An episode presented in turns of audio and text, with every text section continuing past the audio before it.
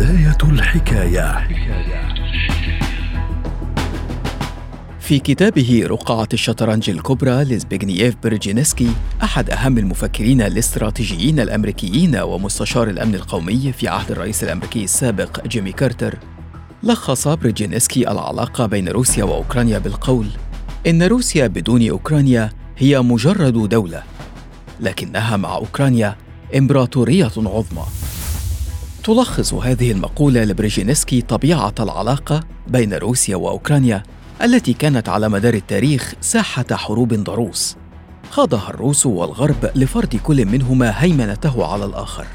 علاقة يفهم أهميتها الروس والأوكرانيون والأمريكيون والأوروبيون وكانت فيها أوكرانيا تاريخيا إلى جانب روسيا لتتحول إلى أكبر مهدد من وجهة النظر الروسية. هذا أنا عمرو جميل أحييكم وأنتم تستمعون إلى بودكاست بداية الحكاية. بداية الحكاية.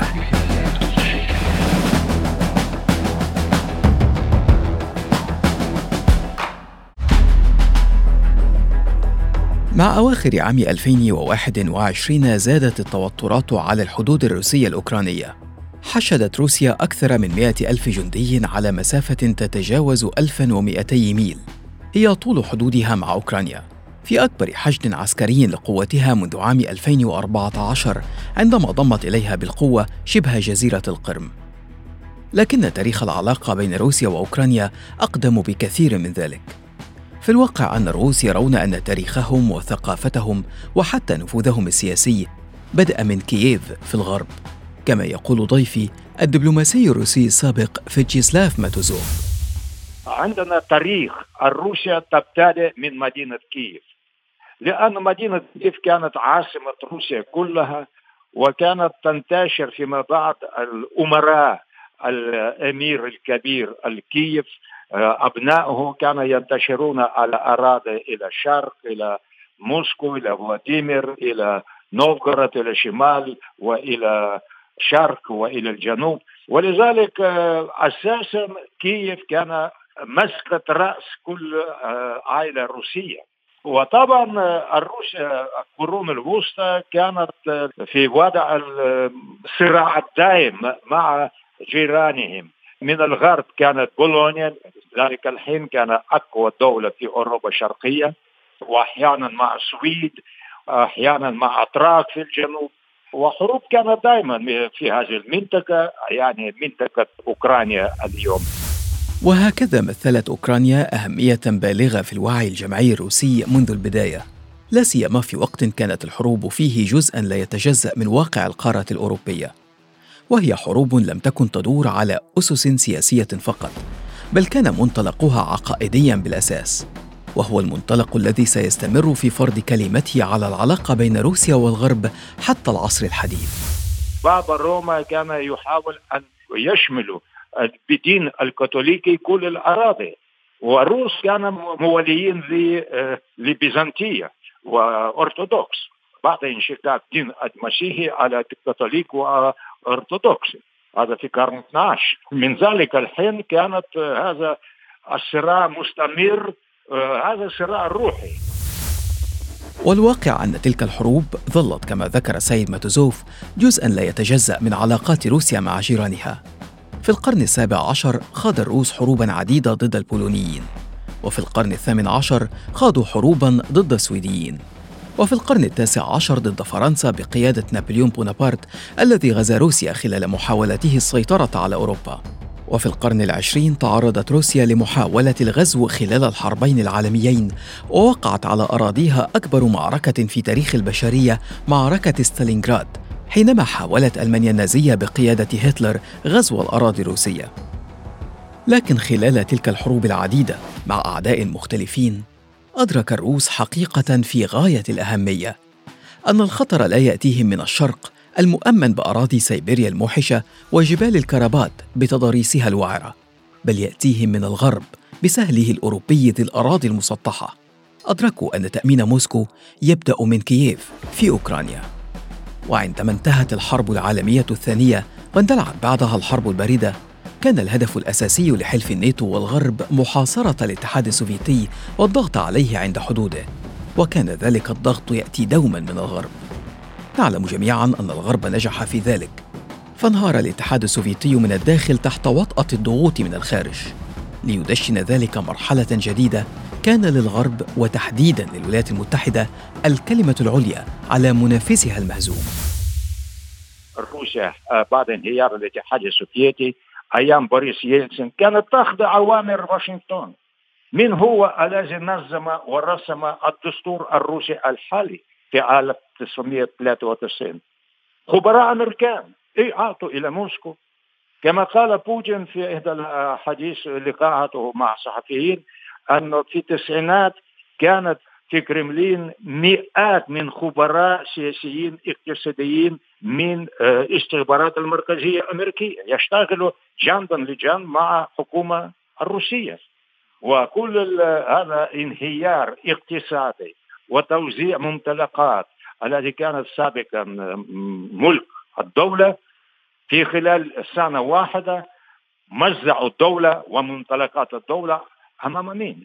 أمام آه، أقطاب الرأسمال أنا عارف أنا حتى في كرملين في في غرف السرية كانت جنبا آه، لجنب يلتسن وهناك كانت مكتب بعض الخبراء من الولايات المتحدة كان جزء من الثمن الذي دفعته روسيا لانهيار اتحادها السوفيتي خروج كييف من تحت العباءة الروسية. انفصلت أوكرانيا في عام 1991 ضمن دول عدة انفصلت عن الاتحاد الروسي. وهو انفصال تجرعه الروس بمرارة كبيرة كما يقول ضيفي الأكاديمي والباحث السياسي الدكتور خليل عزيمة المقيم في كييف.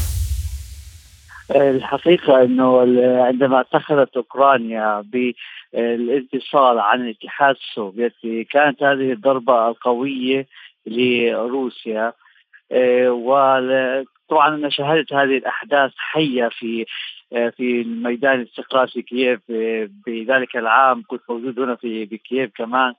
فكان تقريبا إجماع كامل جماهيري إنه أوكرانيا دولة مستقلة وحتى كان هناك أحاديث مشهورة بين غورباتشوف في ذلك الوقت و ليانيد كرافتشوك الرئيس الأول لأوكرانيا آه، في عندما قال له إن أوكرانيا ستستقل عن الاتحاد ستكون دولة مستقلة غورباتشوف جاوبوا وأين توجد أوكرانيا؟ اذا هناك في التاريخ دائما إصرار روسي على عدم وجود أوكرانيا. لكن الأصعب حتى من هذا الانفصال السياسي كان هو الصراع الذي نشأ بين تيارين داخل أوكرانيا. الأول يمثله من ينتمون إلى العرق الروسي ويعتبرون أن البقاء في تحالف مع روسيا أمر حتمي بحكم روابط التاريخ والجغرافيا والسياسة. والثاني يمثله القوميون الأوكرانيون الذين أرادوا قطع كل روابط الماضي مع موسكو والتوجه نحو الغرب مبررين ذلك بالفشل الذي أثبتته الأيديولوجية السوفيتية. أدى هذا الخلاف إلى اندلاع الثورة البرتقالية في عام 2004 ضد الرئيس المدعوم من موسكو فيكتور يانكوفيتش. ولكن في إشارة على حجم الخلاف بين التيارات السياسية في أوكرانيا عاد يانكوفيتش إلى منصب الرئاسة في عام 2010 في انتخابات تمت تحت مراقبة دولية. وبعد أربع سنوات فقط اندلعت ثورة جديدة أجبرت يانكوفيتش هذه المرة على الفرار إلى موسكو.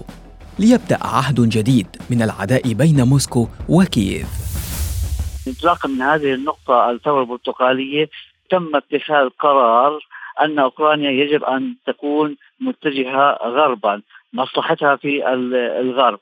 آه، وهنا بدأت أزمة دعنا نقول من, من هذه النقطة بدأت تتطور أكثر هذه الأزمة بين أوكرانيا وروسيا. طبعا إذا عدنا للتاريخ هناك يعني أزمة في الفعل هناك أزمة ما بين أوكرانيا وروسيا بحيث روسيا لا تعترف نؤكد دائما أن روسيا لا تعترف أن هناك أمة أوكرانية لا تعترف أن هناك دولة أوكرانية. ولكن تجلى من خلال الفترة ما بين الثورة البرتقالية إلى ثورة ميدان آه، الانتماء القومي الأوكراني ازداد الاهتمام في اللغة الأوكرانية. تعلم أن الاتحاد السوفيتي كان يعتبر اللغة الروسية هي اللغة الرئيسية للدول الاتحاد السوفيتي. هذا بدأ هنا بعد الثورة البرتقالية بصعود هذا الاتجاه. ومنذ ذلك التاريخ 2014 تطورت الأمور بسرعة. استولت روسيا على شبه جزيرة القرم التي تحدثنا عن أهميتها لروسيا بالتفصيل في حلقة الدب الروسي يبحث عن المياه الدافئة. ثم ما لبثت أن هوت العلاقة أكثر حتى وصلت إلى ما نشاهده حاليا من دق لطبول الحرب بين الجانبين. ربما لا يتسع وقت الحلقة للحديث بشكل مفصل عن طبيعة وتطورات العلاقة بين روسيا وأوكرانيا عبر تاريخهما الطويل. لكن الأكيد أن تلك العلاقة لا ترتبط فقط بالبلدين إنما هي جزء من صراع أوسع. صراع يؤججه تباين الأيديولوجيات وتتحكم فيه تضارب المصالح والرغبة على السيطرة على الموارد الطبيعية والهيمنة السياسية. بداية الحكاية.